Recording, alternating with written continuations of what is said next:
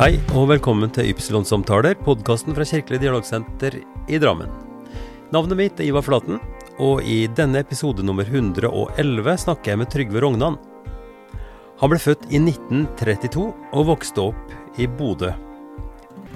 Krigsårene var dramatiske da store deler av byen ble bomba. Etter bombinga var det mye ruiner og steder hvor Trygve og kameratene kunne gjemme seg. De stakk seg vekk etter at de hadde laga kvalm for de tyske soldatene, og de ble heldigvis aldri funnet. Han utdanna seg til ingeniør, og har brukt det meste av livet til å bygge veier og broer. Bl.a. som veisjef i Buskerud fra 1982 til 1999, da han ble pensjonist. Nå leder han en dugnadsgjeng som har ansvar for vedlikeholdet av Austad gård. Han er aktiv i Rotary og i Filosofisk kafé, for å nevne noe. Den gamle veisjefen har meninger både om veipakker, bompenger og om Ringeriksbanen.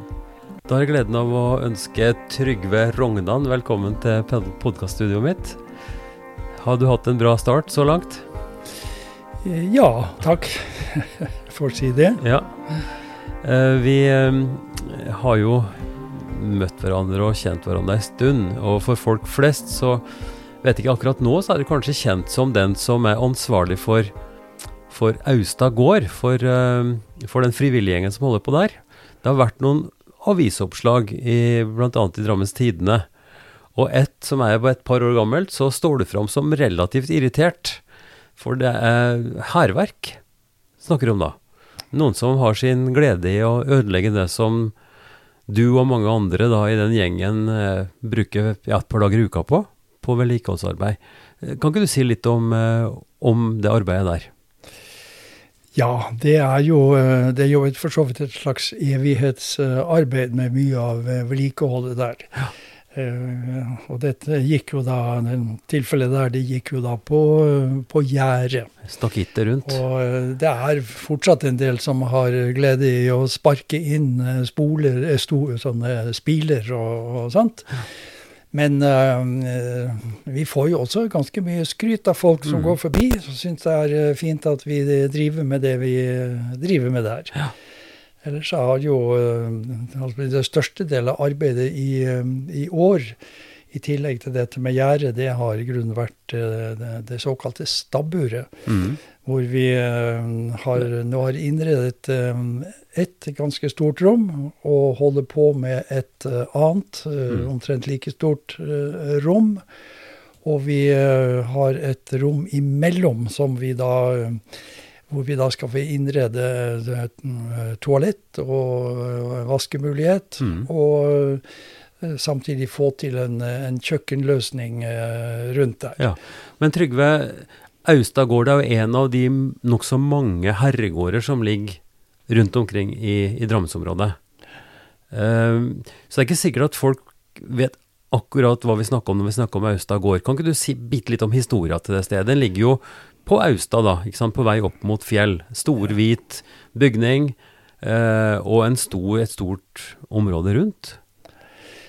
Ja, Austa gård går jo egentlig tilbake til, eh, til middelalderen, faktisk. Mm. Og den har jo en historie der med var en av de store gårdene i distriktet, og har vært eid av eh, mange av disse som, som eide mye eiendom stort sett rundt i eh, hele landet. Ja. Men den mer moderne historien, den kom jo da med Peder von Cappelen, mm. som da giftet seg med med datteren til uh, hun som da uh, eide Austad gård. Mm -hmm. Og han uh, kjøpte da den av henne. Mm. Så brant den og, på slutten av 1700-tallet. Og mm. så bygde man da opp nåværende bygning, ja. som da sto ferdig i 1813. Ja. Og det var da Peder von Cappelen var en av de store magnatene her i i byen. Han, eh, han var eh, trelasthandler, han var eh, litt skipsreder, han mm. var eide bl.a. Eidsfoss jernverk. Ja. Og var vel også innom Konnerud-verket i sin tid. Og Så han drev en veldig allsidig virksomhet. Og hadde sitt private hus da på Austad, bodde der? Ja, han bodde egentlig nede i, um, i Cappelengården, Ja. ja. eh, lenger Ja, nede ved havna. ja, ja. Så dette var bygget som en eh, sånn frilufts... Eller sånn uh, lysteiendom. ja nettopp. nettopp. Og det var det ganske mange av i Drammen på den siden. Så fra Cappelengården ned ved elva, så dro de altså opp et stykke opp i lia, opp i høyden, for å komme på sin, sitt feriehus, da, på en måte, eller sånn prakt, praktbolig. Hva, hva brukte de det til, vil du forestille deg? Ja, de brukte det veldig mye da til eh, representasjon og til eh, utfart om sommeren. Man skal huske på det at byen i gamle dager, Ja. det var et ganske eh, formøkket sted med, med Ja. kloakklukt og Ja. eh, dyrehold og mange lukter og, og sånt. Så det å, å ha et sted man kunne dra til om sommeren ja.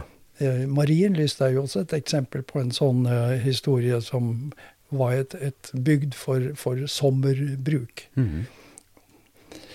Nei, men, eh, men det er en lang historie, vi kan ikke gå så mye inn på det. Men, men poenget er jo at du eh, da nå er leder for en gjeng frivillige som holder på. Og du sa noe om stabburet. Hvor, hvor er stabburet, eh, hvis du tenker på i forhold til huset? Ligger det på, i samme eiendommen, antagelig? Ja, når du kommer inn uh, hovedporten, så Ja. ligger det rett imot. Ja, nettopp. Ja. Ja. Mm, mm. Det har vært et stabbur der. eh, Den bygningen som står der i dag, den er ikke bygget som, som stabbur, men Nei. den står på murene etter det gamle stabburet. ja, ja. Akkurat. Nei, og Men altså, du er- begynner å bli en voksen kar, sier man litt sånn slengaktig. Eh, hvilket år er du født, eh, Trygve? 1932. 1932. Ja, fryktelig lenge siden. Og nå har vi 22.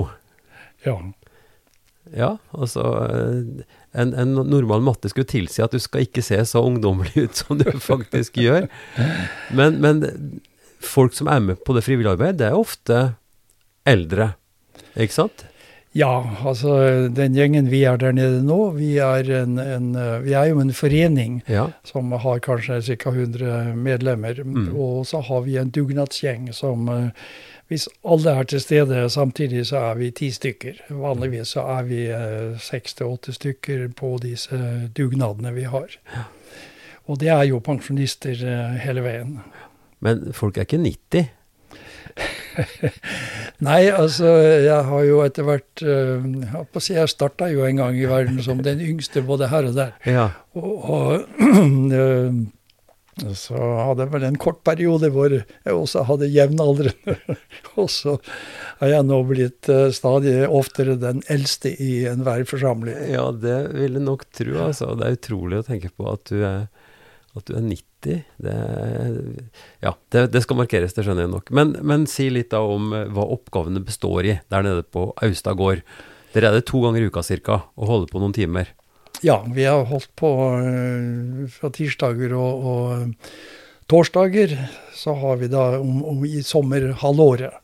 Bortsett fra eh, skoleferien, da tar også vi Mm. ferie. Om Mm. vinteren så er det én gang i uken. Ja. Og um, da har vi drevet uh, nokså mye med utvendig arbeid på Mm. selve hovedgården. Mm. Så to av de uh, fasadene uh, har vi da skrella helt ned til bar ved, og så uh, malt de opp på, på nytt. Og de Ja. står veldig, veldig godt. Mm. Og alle vinduene som da følger med dette her, har vi Mm. jo selvfølgelig også tatt. Og vi har også hatt en del innvendige arbeider, bl.a. i eh, spisesalen. Den eh, hadde vi stengt i et par måneder da vi hadde fullt stillas der inne, og tok bl.a. hele taket. Mm. Og eh, det var en ganske stor jobb. Ja. Ellers så har det da eh, vært dette med gjerdet, som da går igjen hver eneste, hvert eneste år. Mm. Og vi har um, eh, nå da eh, restaurert den eh, kuskeboligen. Det er den lille boligen som ligger ut mot eh, hovedveien. Ja. Og um, der viste det seg at det ble mye større jobb enn vi hadde tenkt.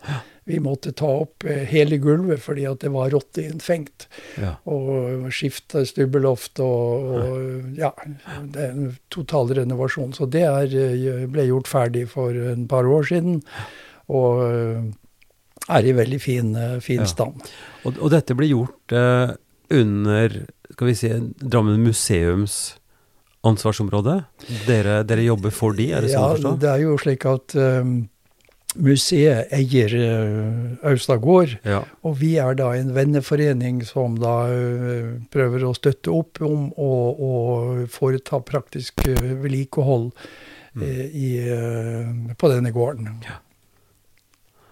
Det er, det er svært imponerende. Nå, nå fikk jo flere oppleve området der fordi Austad Fjell menighet, det som tidligere het Fjell menighet, da, hadde en, eh, en utegudstjeneste nå for ikke så lenge siden på nedsida der. Og da fikk man jo se på nært hold, altså baksida, nå ser vi jo fasaden fra veien, men når man går inn der og ser dette fra nedsida, det er noen svære søyler blant annet, det er en utrolig stor overflate som skal passes på av bare bygningsmassen der, hovedhuset. Ja, det stemmer det. Det var uh, 15. mai var det Ja. et arrangement der, og det var veldig godt besøkt. Ja. Godt over 100 mennesker som kom Mm. dit. Mm. Og den fasaden, den står nå til, eh, eh, til fornyelse. Og det blir en, en eh, jobb som eh, blir satt ut på anbud fra eh, museets eh, side. Ja. Og det meste vil vel skje i eh, neste år, altså i Mm. 2023. Mm. Da skal eh, hele fasaden, alle vinduene og de eh, store søylene de skal gjøres rene først, og, og, og så beskyttes etter alle kunstens regler. Ja. Mm. Og det skal også skiftes tak på hele bygningen, fordi at vi har hatt en del lekkasjer som har vært midlertidig tettet. tettet. For det er, jo, det er jo et veldig vakkert sted som kan brukes til, til forskjellige slags fester, og sikkert til Jeg husker at det var Martin Haug, og de hadde jo konserter der i, for noen år tilbake. Og dette får vi håpe kan fortsette, at det kan brukes. Ja, det var jo disse herregårdskonsertene, Ja. og de var eh, veldig populære. Mm. Eh, Nå har vel de egentlig mm, dratt videre, Ja, nær sagt, ja. til større lokaliteter. fordi at en innvending der var vel at det var for, litt for liten plass okay. mm -hmm. eh, til publikum. Eh, men ellers så har det jo vært eh, utleie da til eh, skal vi si penere, penere bruk. Ja. Ja. ja. Men Trygve, eh, grunnen til at du vel kom hit til området, eh, det har jeg jo sett og forstått må ha noe med at du har sittet som ansvarlig for brobygging, annet. Eh, jeg snakker jo om denne podkasten som en podkast som handler om brobyggere og folk som holder på med, med samfunnsarbeid og sånn, og det vi snakka om nå, om, om eh, Austad gård, er jo et sånt prosjekt hvor man legger virkelig godviljen til å jobbe for fellesskapet gjennom dette frivilligheten. Men yrket ditt, der du jobba i, i Statens vegvesen her i Buskerud, eh, når, når starta du opp med det? Ja, det er helt tilbake til uh, 57. Da startet jeg Da var jeg ferdig på NTH, som Ja, det het den Ja, gangen. ja, Og eh, eh, dro da til Finnmark. Ja. Der hadde jeg aldri vært før, og det var veldig spennende, fordi at der hadde man fortsatt uh, gjenoppbygging av eh, Særlig de store bruene sto igjen. Alt var jo ødelagt på veisiden, både av broer, stikkrenner og, og, og veistrekninger, ja. for at ikke det skulle kunne brukes eh, Ja. militært. Mm. Så eh, det var veldig spennende å komme dit. Og det var et av de få fylkene som hadde, som hadde relativt bra med penger på den tiden til disse jobbene. Ja. Og, eh, og det var et relativt yngre personale. Det var i, Laks. Laksefjord og Tana i området der? I Laksefjord og Tana, er det- stemmer det at det var i området der du holdt på? Ja, jeg startet eh, der. Mm. Eh, og senere så ble jeg jo da leder for en anleggsavdeling Ja. eh, der oppe. Så vi bygget uh, bl.a. Indre Riksvei var en av de jobbene vi hadde der. Og, og ellers så var det mm, Ja, tidlig så var det mm, broer av, mm, av de litt større broene, for de hadde, ble stående igjen Mhm. etter at man hadde tatt de, de mindre. ja. Og da var det mm, grensebro over til, mm, til Finland. Det var farbroer et par broer nede i, i Lakselv. Lakselv. Og, eh, og det var veldig spennende ting å, å, eh, å gjøre. Det var Mm. jo sånn den gangen at Vegvesenet gjorde det aller meste i egen regi. Mm. Så vi hadde egne folk. Mm. Og så det var en eh, jobb med å tegne ting og, og følge det opp uh, anleggsmessig. Mhm. Så det var uh, det er klart det var veldig spennende å være ung ingeniør midt oppi alt dette her. Ja. Mhm. Hvor lenge ble du der? Jeg ble der i seks år. Jeg Ja. hadde tenkt meg to, men jeg trivdes egentlig veldig godt med ja. både jobben og, og eh, måten å, å leve på der oppe. ja. Så da, det var da du kom sørover, rett og Ja. slett? Da kom jeg til, eh, til Vestfold. Mm. Det var jo omtrent så motsatt som det kunne bli. Ja, ja, ja. Men uh, det var også veldig spennende. Da kom jeg dit som, eh, som anleggssjef. ja. Og um, de store oppgavene den gangen, det var, um, det var jo dels eh, E18. Eh, eh, vi bygde jo om den gamle E18 fra Holmestrand og så oppover til, til Sande. Mhm. Den som nå er blitt avløst av, eh, av den eh, nye motorveien. ja. Men som ellers er et veldig godt alternativ fortsatt eh, Ja. å kjøre nedover der. Og vi hadde Lågendalsveien, som også var en, en veldig flott uh, oppgave. Mhm. Ja. Uh, vi, før vi begynner å prate om eh, når du kom til Drammen og, og sånn, altså det som var litt morsomt det, Jeg har jo søkt litt opp på internett, som jeg sa, på, på Google, og, og der fant jeg at du, du ble eh, Det var et bilde av deg i et tidsskrift som heter Brobyggeren. der du står og tar imot to eh, karer fra Vestfold som kommer med blomster og takk fordi at du bygde Vikersundbrua. Jaha. Husker du det? Det her var på Ja. det, ja, 90, 97 kanskje? 98? Ja, rundt der? Ja, ja. Men vi kan komme tilbake til det. Men, men eh, jeg pleier å spørre folk eh, eh, om opphav, eh, fødested og sånn. Og din dialekt er jo tydelig nordfra. Kan ikke du si litt om fødsel og, og tidlig, tidlig liv der? Ja, jeg er jo på mange måter eh, nærmest født på Nordlandsbanen. Jaha. Så faren min var jernbaneingeniør mm -hmm. og hadde ansvar for eh, planlegging. Og eh, jernbanen gjorde det sånn at de bygde faktisk eh, sånne boliger for banevoktere og eh, en del jernbanestasjoner mm. før selve jernbanen kom. Ja. Og de ble da brukt i forbindelse med planleggingen. Så det Mm. var en, en gjeng på en eh, tre-fire ingeniører som da bodde der oppe i Grane i Vefsn, hvor Ja. jeg og min bror ble født. Mm. Og flytta senere til Trofors stasjon. ja. ja, Eh, men så flytta vi da til Bodø, og da eh, var jeg bare, jeg var bare fire år gammel da. Mm. Og det var min eh, fars hjemby, så jeg regner meg egentlig som tredje generasjons bodøværing. ja. Ja. Så der hadde du oppveksten din Ja. i, i Bodø. Ja. Skolegang og Du Ja. var en flink skolegutt og fikk eh, videreutdanning og etter hvert da på NTH, som du sa. Ja. Eh, Hvordan likte du skoleåra? Hvordan var oppveksten din, syns du? Ja, det var jo veldig prega av eh, krigen, da. Ja? Altså, jeg begynte på folkeskolen i 1939. Ja. Og da vi kom fram til eh, bortimot påske, så var det da eh, full stopp. Ja. Og vi ble evakuert. Hele byen ble ikke tvangsevakuert, men det var sterk oppfordring til å evakuere, fordi man, man regnet med at det kunne bli bombing. ja. Og det var også flere, flere bombeangrep Mm. eh, mens vi eh, fortsatt var i, i, i Bodø.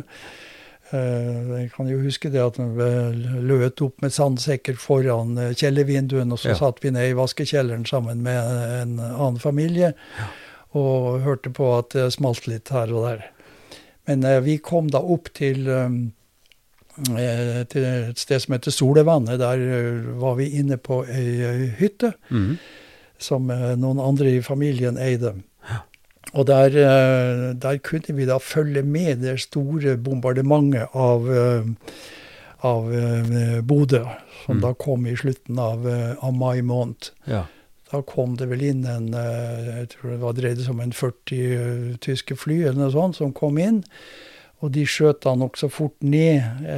Det var laget en, en liten provisorisk flyplass i Mhm. Bodø, og der Mhm. var det to-tre engelske fly som eh, sto. Og de prøvde å gå opp og sånn, men de hadde jo ingen mulighet til å til å takle takle det. Tyskerne hadde jo tipp topp moderne absolutt alt. Så de hadde ja. jagerfølge, og så hadde de da bombefly. Mm. Så vi så jo da denne røykskyen som kom opp med en tjukk, massiv, svart røyk. Mm. Og vi var veldig spent, fordi både min far og en onkel av meg vi, de var um, utkommandert til en slags vakttjeneste okay. nede i, i byen. Mm.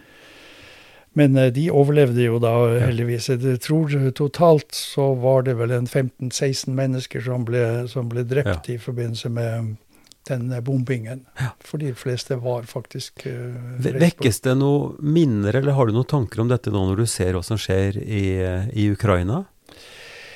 Ja, jeg kan huske da vi begynte på skolen igjen samme høsten, uh, 1940 da var det flere i uh, klassen min som bodde i telt. Uh, det var jo da um, en kommisjon som gikk rundt og, og registrerte alle hus. Mm. Det huset vi bodde i, det var, uh, hadde fått en del splinter og, og sånt fra granater og bomber, men, men var ellers intakt. Mm. Og da husker jeg bl.a. at loftetasjen den ble rekvirert til en familie som da kunne flytte inn der etter en del tilrygging. Mm. Og uh, vi hadde i leiligheten vår, så ble det rekvirert et uh, ganske stort rom som en, en dame flyttet inn i, som også hadde mistet boligen sin. Mm. Det var jo faktisk to tredjedeler av alle hus i Bodø ble jo ødelagt ja. i 1940. Ja. Mm. Så du har opplevd både krigshandling og følgene av krig? Ja, det, det vil jeg si. Og under, under, selve krigen så Vi hadde jo Skolen var jo også bombet. Så vi hadde noen lokaler som sto igjen. Men ellers så kunne vi være på to, av og til tre forskjellige steder i løpet av en uh, skoledag. Mm.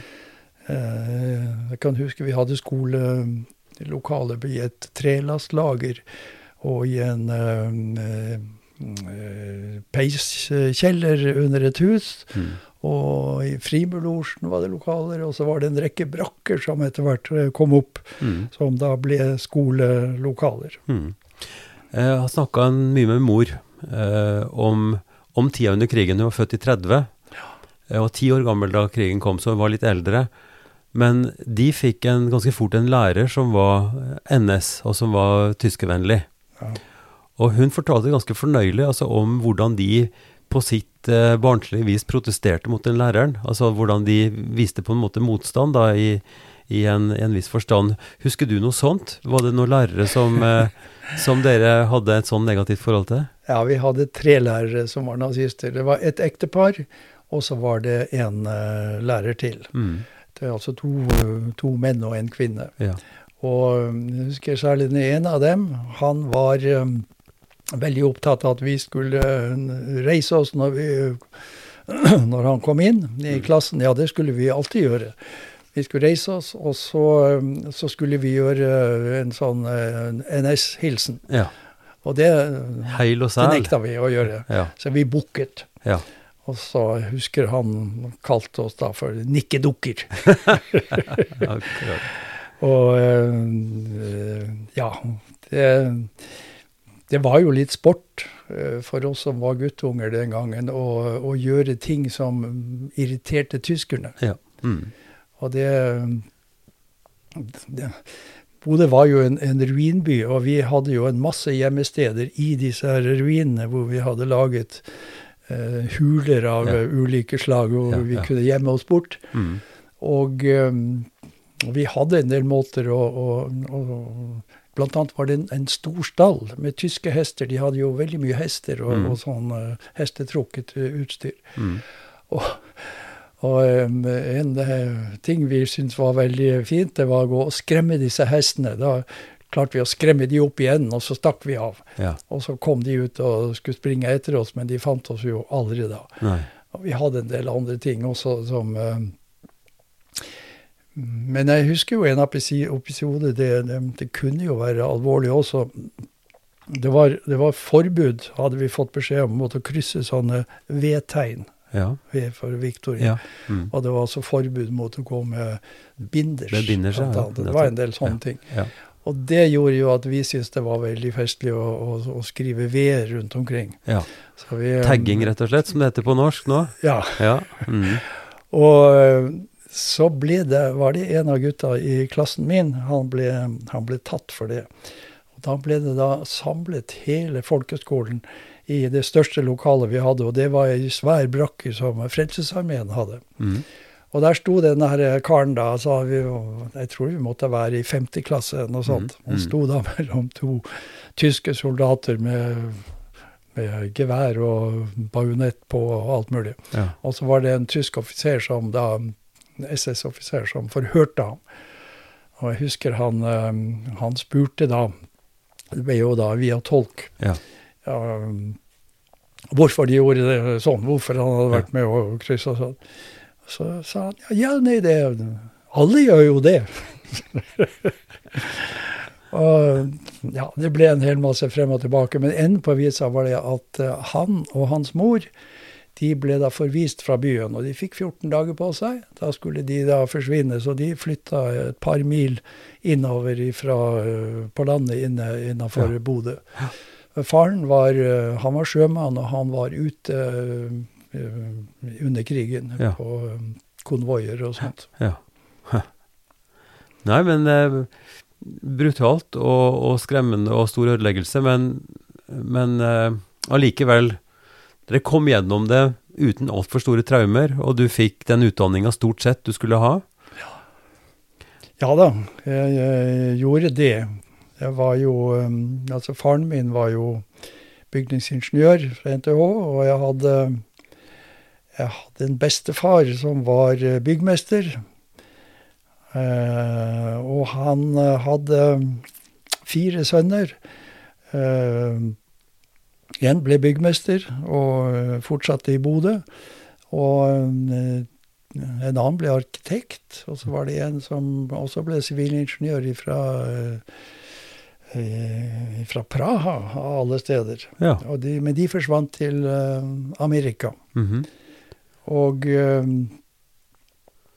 Men det var, ble jo sånn at, at jeg vokste jo opp egentlig sammen med eh, I det huset hvor vi bodde, der bodde det også en, eh, en onkel som var eh, bror til min mor. Mm.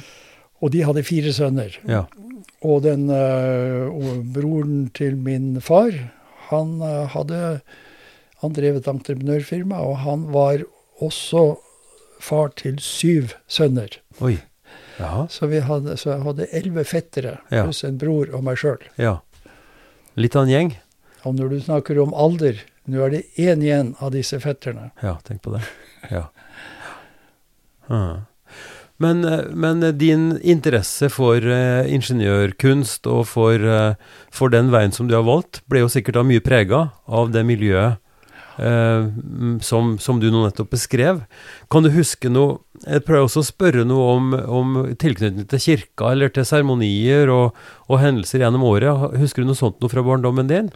Forholdet til kirka, for det måtte jo være ganske problematisk kanskje også i, i krigstid og, og rett etterpå? Ja. øhm, jeg hadde jo foreldre som øh, begge hadde en, en klar øh, religiøs holdning. Ja. Så jeg vokste jo litt opp med søndagsskole og, Mm. og litt sånt. Eh, så skjedde det jo en katastrofe under krigen, og det var at eh, faren min omkom i en eh, ulykke. Ok. Og da var jeg ni år gammel. Hm. Det, eh, det Det var um, eh, Ja, jeg må si jeg stusset over at det skulle være en skaper som kunne eh, Som kunne, noe som så kunne dårlig. tillate noe Det var sånt? dårlig gjort, syns ja. jeg. Ja, ja. Så eh, eh, jeg ble nok litt rystet i, i mine begreper der. ja, ja. ja. Hmm.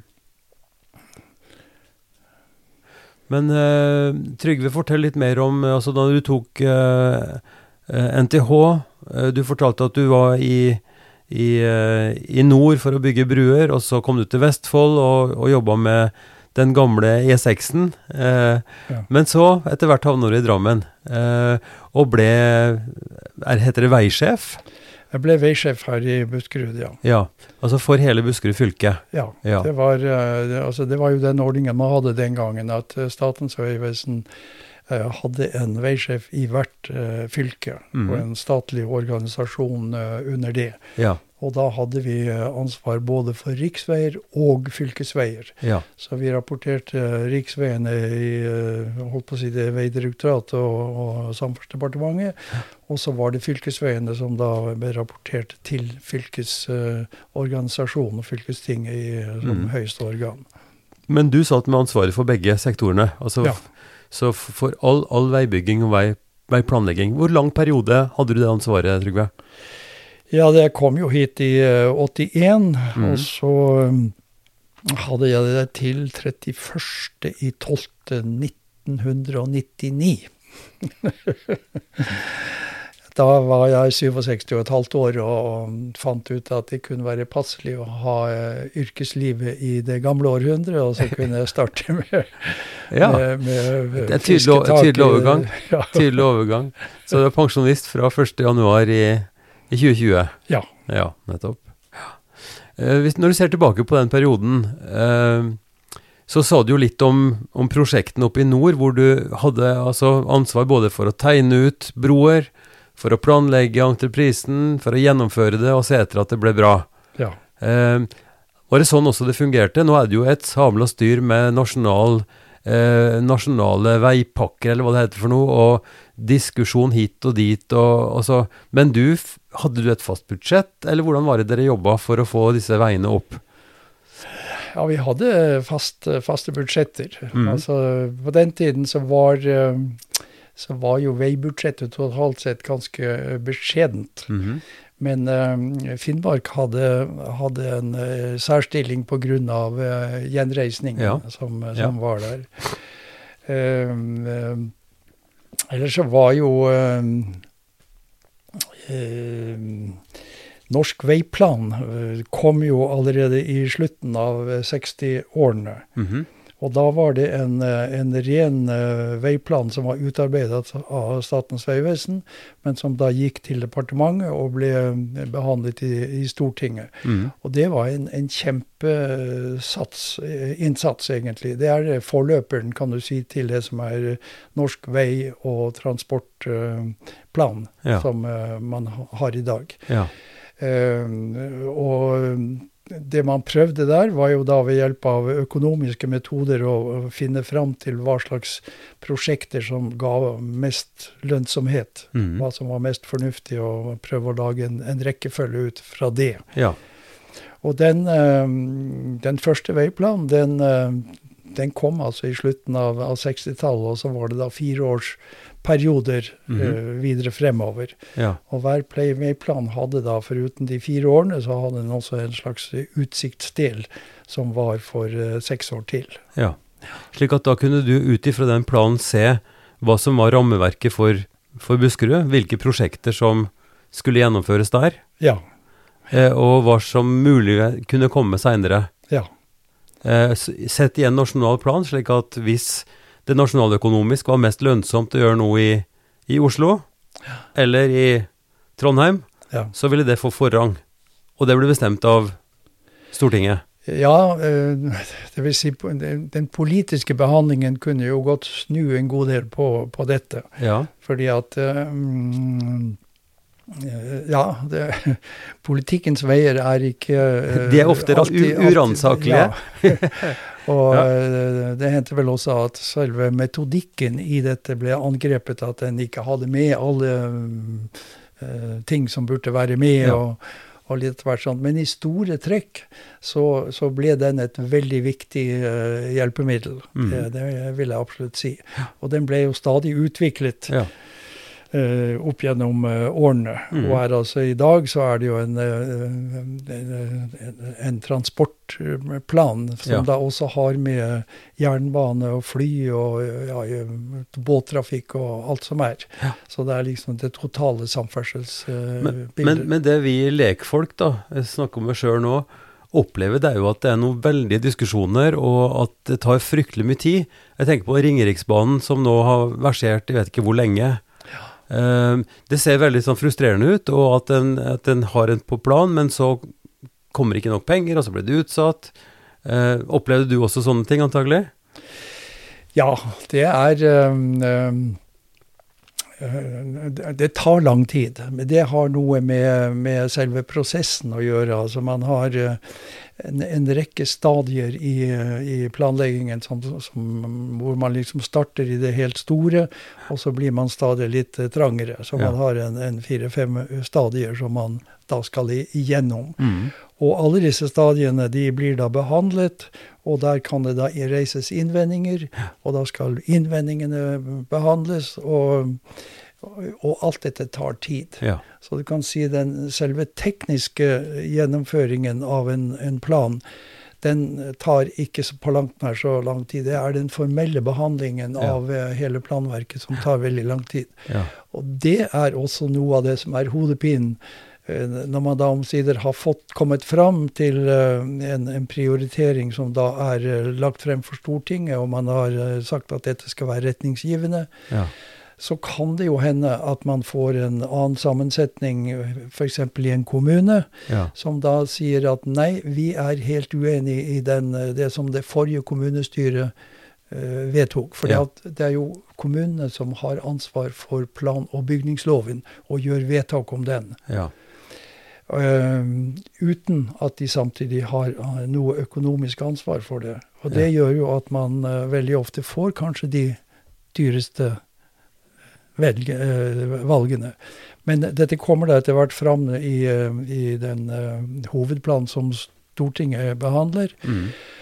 Og akkurat det du nevner med Ringeriksbanen og, og, E16 det er jo et godt eksempel på, på, dette, hvor det har vært veldig vind i seilene for at nå skulle man eh, få til mm. dette. Mm. Og man uh, har laget en durabelig plan uh, som uh, det gikk i Vegvesenet og jernbanens regi. Mm. Og uh, som da noe av det siste Solberg-regjeringen gjorde, var jo å flytte dette over til Nye Veier. Ja. Fordi at um, ja, ja, de ville vel se om det kunne være mulig å få det noe rimeligere. For det dreide seg om da en 35-40 milliarder kroner for mm. både vei og jernbane. Ja. Mm. Og når de Altså jeg føler på at det, jeg har så mange spørsmål rundt det.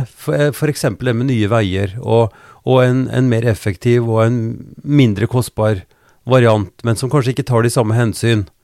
Og som Nå, nå er vi jo mange av oss veldig opptatt av eh, miljø, ikke sant? Og, og at en drar sånne svære prosjekter rett gjennom myrlandskap, f.eks., som er helt vesentlig for å bevare eh, ja, fuktighet og, og, og alt mulig sånt noe. Men, men, men tenker du på hva, hva, er hovedforskjellen da, mellom sånn som Nye Veier og, og sånn, som, sånn, som, du snakker om nå, altså med, med Vegvesen og ja, Nye Veier var jo eh, et, et politisk eh, prosjekt. Mm. Og kom jo, kom jo frem gjennom Fremskrittspartiet og, og, og Høyre, vel vesentlig. Mm. Og eh, det som skiller dem, det er at uh, Nye Veier har fått vesentlig større friheter til å ja, De kan f.eks. si til en kommune at hvis vi ikke får gjennom dette prosjektet her, så kan vi vente. Vi, da velger vi et annet prosjekt. Mm. Så de, det, det, kan man ikke si i Vegvesenet. Det er en ren politisk prosess. Eh, hva ja. som da... Eh, Så det ligger mer press og mer framdriftsmulighet på en måte da, i ja. Nye Veier? De, ha, de, har det. Altså de, eh, og de har også De har jo også ført en helt annen lønnspolitikk. Altså de, de har og de ble jo Det var jo ikke meninga de skulle bli, ble det sagt, eh, en konkurrent. Nei. Men de ble jo på en måte det, fordi at uh, veldig mange av de som uh, flyttet over til Nye Veier, kom jo nettopp fra Vegvesenet. Ja. Fordi de fikk vesentlig uh, større både friheter både når det gjaldt lønnsvilkår og utførelsesmuligheter. Ja, ja, Så på en måte kan man jo si det at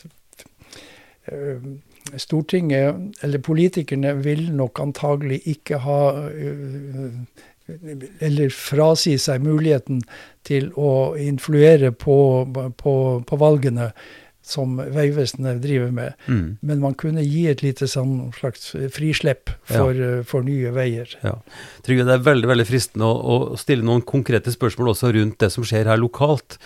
Fordi det var jo også i en, i en ja, Det er ikke lenge siden, da, men hvor det var snakk om bompenger. Altså å finansiere opp eh, lokalt og kunne styre biltrafikken, og at den skulle bli mer kostbar. Altså Dette har, vært, har jo blitt partier av det, ikke sant, mot bompenger osv. Um, og så ser vi jo at, at trafikkmønsteret og, og, måten man kjører bil på, og, og, begrenser muligheten å kjøre bil på, er veldig viktig for hvordan et samfunn og en by utvikler seg. Um, og nå er det såpass lenge siden du hadde noe ansvar her. Kunne du tenke å si hvordan du opplever dette nå? Uh, for det ble jo en bråstopp. Det var jo et resultat av politisk, eh, lokal politisk prosess, det også. At det var mange nok som, som fikk store motforestillinger, som ikke ville ha bom, og som dermed så, så ble hele premisset for utbygging og sånt forandra. Ja, først litt om dette med bompenger. Opprinnelig så var jo det noe man knyttet til et helt spesielt uh, vei- eller broprosjekt. Ja. Og når det var ferdig bygget og nedbetalt, Ja. så, så opp, opphørte det. Ja. Så har det utviklet seg litt etter hvert. At man etter hvert uh, kunne ta inn ja, ja, gangsykkelveier var jo for så vidt nokså kurant at de kunne komme inn. Mm. Eh, Men eh, man har jo også etter hvert utvida dette til å oppfatte drift, bl.a. drift av kollektivsystem. Ja. Slik at uh, f.eks. Oslopakke 3 er jo veldig dominert nettopp av kollektivtrafikkbidragene. Og man, man kan finansiere veldig mange ting rundt uh, slik at Oslopakke 3 har en relativt liten andel som, som er uh, til, direkte til vei. Ja. Ja. Men det er den politiske behandlingen man har fått av dette. Og det man fikk da med, med prosjektet her i, i, i Drammen, det var jo da at man uh, la opp til eh, Det var jo bypakken eh, Mhm. mellom, altså fra Drammen opp til Kongsberg og, og sånn. ja. Og eh, der ble det da et eh, ganske omfattende eh, bomsystem som man eh, skulle få inn penger på. ja. Og um, det ble det jo politisk uenighet om, og Mm. det endte jo da med, som du sier, at man sa nei Mm. til hele pakken. Og um, det er jo da nå nærmest blitt standard at um, skal man ha nye store prosjekter, så vil det være en uh, bompengeandel Mm. i dette. ja. Um, det som jo er litt uh, tragisk, må jeg jo si, er at de prosjektene som da lå inne i den pakken, eh, er jo veldig, veldig viktige Mm. for uh, Buskerud. ja. Og for eh, for så vidt også nasjonal eh, virksomhet. Mm. Og de har man jo da ikke noen løsning på nå. Nei. Um, så eh, jeg, jeg syns nok det var overraskende at man eh, sa nei til pakken. Og jeg syns nok at man kanskje burde ha prøvd å forhandle seg kanskje til en, en litt, uh, litt annen uh, pakke, med kanskje Mm. med litt, med, litt færre bomsteder og Ja, andel bompenger. Men, men eh, eh, foreløpig så sitter jo f.eks. Konnerudføringen uløst. Ja. Og vi har jo den Holmenbrua som er et uh, kjempeproblem, egentlig. Fordi den er skrøpelig? Ja. Mm. Og, og så har man da problemer med kollektivtrafikken og den andelen man skal Politisk har man jo da øh, sagt det at man, øh, man forventer at øh, biltrafikken ikke skal vokse, den skal helst reduseres. Ja. Og det er jo eh, Det er jo et fromt ønske. Og eh, om det er mulig, det, det, det kan man jo spørre seg om. ja. Det, Men, men eh, altså det, er, det er veldig mange problemstillinger på en gang. Det ene er jo åpenbart det, det politiske dynamikken og hvordan eh, sånne vedtak kommer fort. Fordi at det blir pressgrupper, og det blir fakkeltog, og det blir mye styr. Og så kan man lure på da, og det er kanskje litt arrogant å stille det spørsmålet, men hvor, hvor informert er da velgerne om hva de gjør når de stopper en sånn prosess. Hvor store senvirkninger og, og, på en måte langsiktige problemer oppstår fordi at en da ikke får de prosjektene som en burde hatt. Liksom det ene problemet. Det andre er jo det som er pålagt oss alle nå med, med utslippsreduksjon, og der det finnes nasjonale mål for hvordan utslipp skal utvikles gjennom årene nå fram til, til 2030 og til, til 50. Eh, og da vil jo også Drammen kommune, naturligvis, og vårt område, og politikerne her, måtte legge opp eh, skal vi si, premisser og, og, og, tiltak som fører til en sånn reduksjon. Hvis det skal være noen slags rimelig grad av seriøsitet i det. Ikke sant? Og så Det er jo to sider av den saken. Er vi i stand til, som velgere og som lettpåvirkelige for egne kortsiktige behov, å treffe de, de og gjøre de vedtak som er bærekraftige, rett og slett? Ja, altså utslippssiden, det er klart, der, der har det jo for så vidt skjedd ganske mye. Man har jo en uh, ganske kraftig overgang til elektriske biler. Mm. Mm.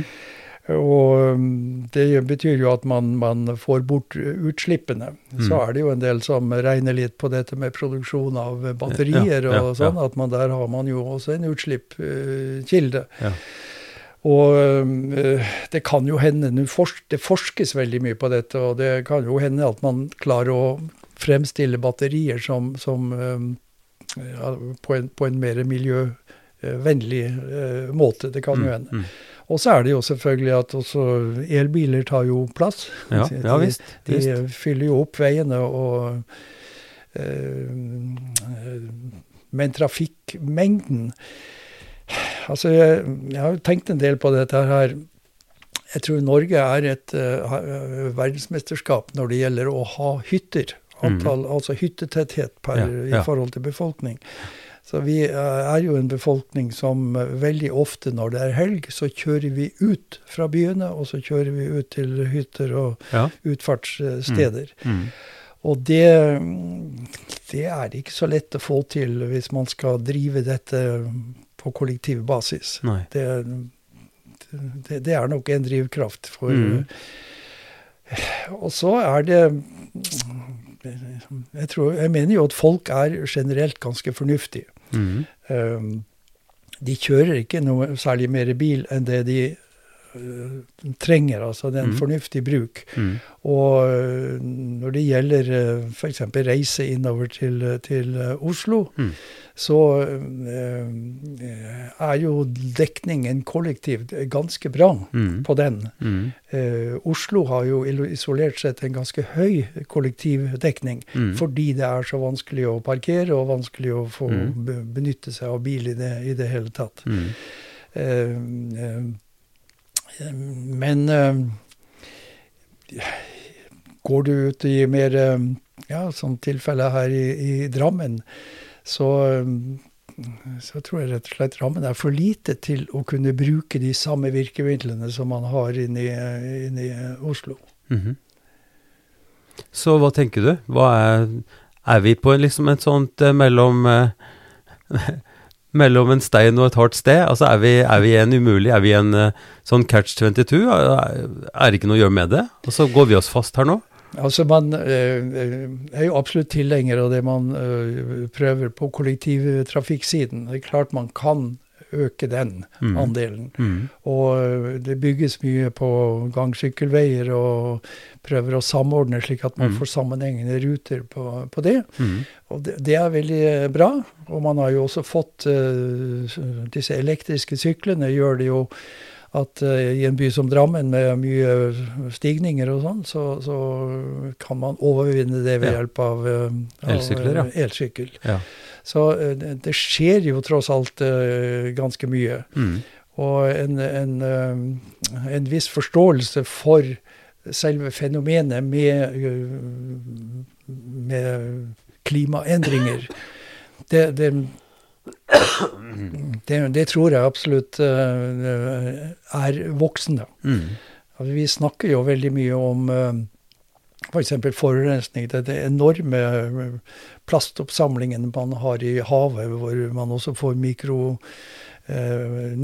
hvor, mm. hvor, dette opptas av fisk og går hele næringskjernen oppover. og ja, det er grunn, og likedan dette her med klimaendringer pga.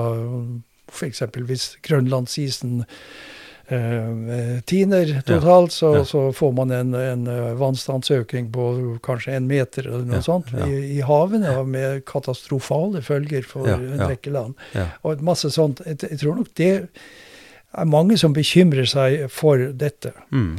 Og eh, for oss som da lever på solsiden i, mm. i, i verden, kan ja, du si, og ja. som um, også er store forurensere i forhold til uh, en stor del av verden som forurenser veldig lite. Ja. Så, så, betyr det nok at uh, vi må gjøre ting som er mer uh, inngripende enn en, en man kanskje må gjøre i et afrikansk land. Mm, mm. Ja, og da, og da, er vi jo ved det store spørsmålet, Trygve, som jeg for så vidt også løfte litt med, det, med hvor, hvilke valg vi gjør, og når vi blir utsatt for skal vi si, press lokalt og, og blir trua på vår levemåte osv., så, videre, så har vi jo lett for å velge det som passer oss best. Ja. Um, og, og, da er det jo dynamikken mellom oss som velgere, som du sier stort sett er fornuftige folk, for det mener vi jo. Altså at vi gjør rasjonelle valg stort sett, og, og valg som, som ikke er meningsløst egoistiske, egentlig, men som er mer kanskje trivielle, vanlige, sånn som vi hater før. Hvor går da grensene, tenker du, altså med, med det å treffe de riktige valga som går litt imot, altså som gjør at vi må kanskje gjøre ting på en enklere måte, eller på en annen måte? Er, er vi robuste nok demokratisk? Er vi robuste nok eh, ideologisk eller kunnskapsmessig til å kunne si at ok, da må vi vel det, da? Og er det da politikerne først, eller er det embetsfolk, eller sånn som det er fagfolk? Eller er det folk flest som sitter med den siste, siste stikk her, liksom? Jeg tror jo um, at kunnskap er uh, helt grunnleggende. Mm. Det at man uh, Altså, man har jo hatt en utvikling hvor uh, dette med alle miljøtruslene liksom nærmest ble bare sånn um, vinket av. Um, at det har kommet stadig lenger. altså FNs klimapanel mm. har, kommer jo med rapporter fra tid til annen, og den siste er jo den veldig Den er ganske mørk. Den er ganske veldig, mørk. Ja, den er veldig mørk. Ja. Og um, vi ser jo at um, land som Kina, f.eks., som da for så vidt er Man kan godt si de er fremragende på mange måter når det gjelder vind og, og, og solkraft og, og, sånne ting. Men, men, det monner liksom ingenting. De åpner jo stadig vekk nye kullkraftverk. Mm. Fordi at der står liksom balansen mellom å ha energi nok til å drive mm. den svære industrien, som igjen gjør at man har fått noen ganske mange milliarder mennesker over i ja. en uh, ja. mye bedre mm. levestandard enn mm. en ikke. Så den avveiningen er forferdelig vanskelig. Mm. Uh, og de motsetter seg jo egentlig mye av disse klimamålene som mm. blir uh, satt opp. Mm. selv USA, som da på mange måter vil være ledende, i den grad man klarer å snu noe av dette her, Eh, for, fikk jo da et skikkelig tilbakefall med, med Trump, mm. som da bare blåste av hele miljøtrusselen. Det var liksom ikke noe å bry seg om. Um, og da kan man selvfølgelig få litt sånn avmakt når mm. man sitter i lille Norge og, mm. og skal gjøre store ting. Mm. Men, uh, men jeg tror nok at miljøsaken på mange måter går tilbake til enkelt det enkelte mennesket. Hva kan vi gjøre mm. hver for oss? Mm. Du, du, tegner jo opp et veldig relevant og for meg også veldig gjenkjennbart bilde, der du ser eh, de store nasjonene og de store problemene ute, som, der det tydeligvis ikke skjer nok. Altså det går for langsomt. Det, det halvannetgradersmålet, det kan vi nesten avskrive, ikke sant? Vi, vi snakker nå om, om høyere grader her. Eh, og da blir jo spørsmålet for oss da, lokalt, både i lille Norge som du sier, og her i Drammen og for hver enkelt av oss, er vi villige til å likevel gjøre det som vi kan? Altså, er, er det fortsatt relevant at vi gjør våre vurderinger og følger en, en, en, en retning som er mer bærekraftig, altså bedre enn en den er nå, for å nå våre lokale mål, som en del av den vesle innsatsen som da blir Norges Altså, har det betydning? Eh, eller, eller er det så dramatisk at vi bare kan si at nei, det er ikke noe vits i, så vi kan leve som vi vil?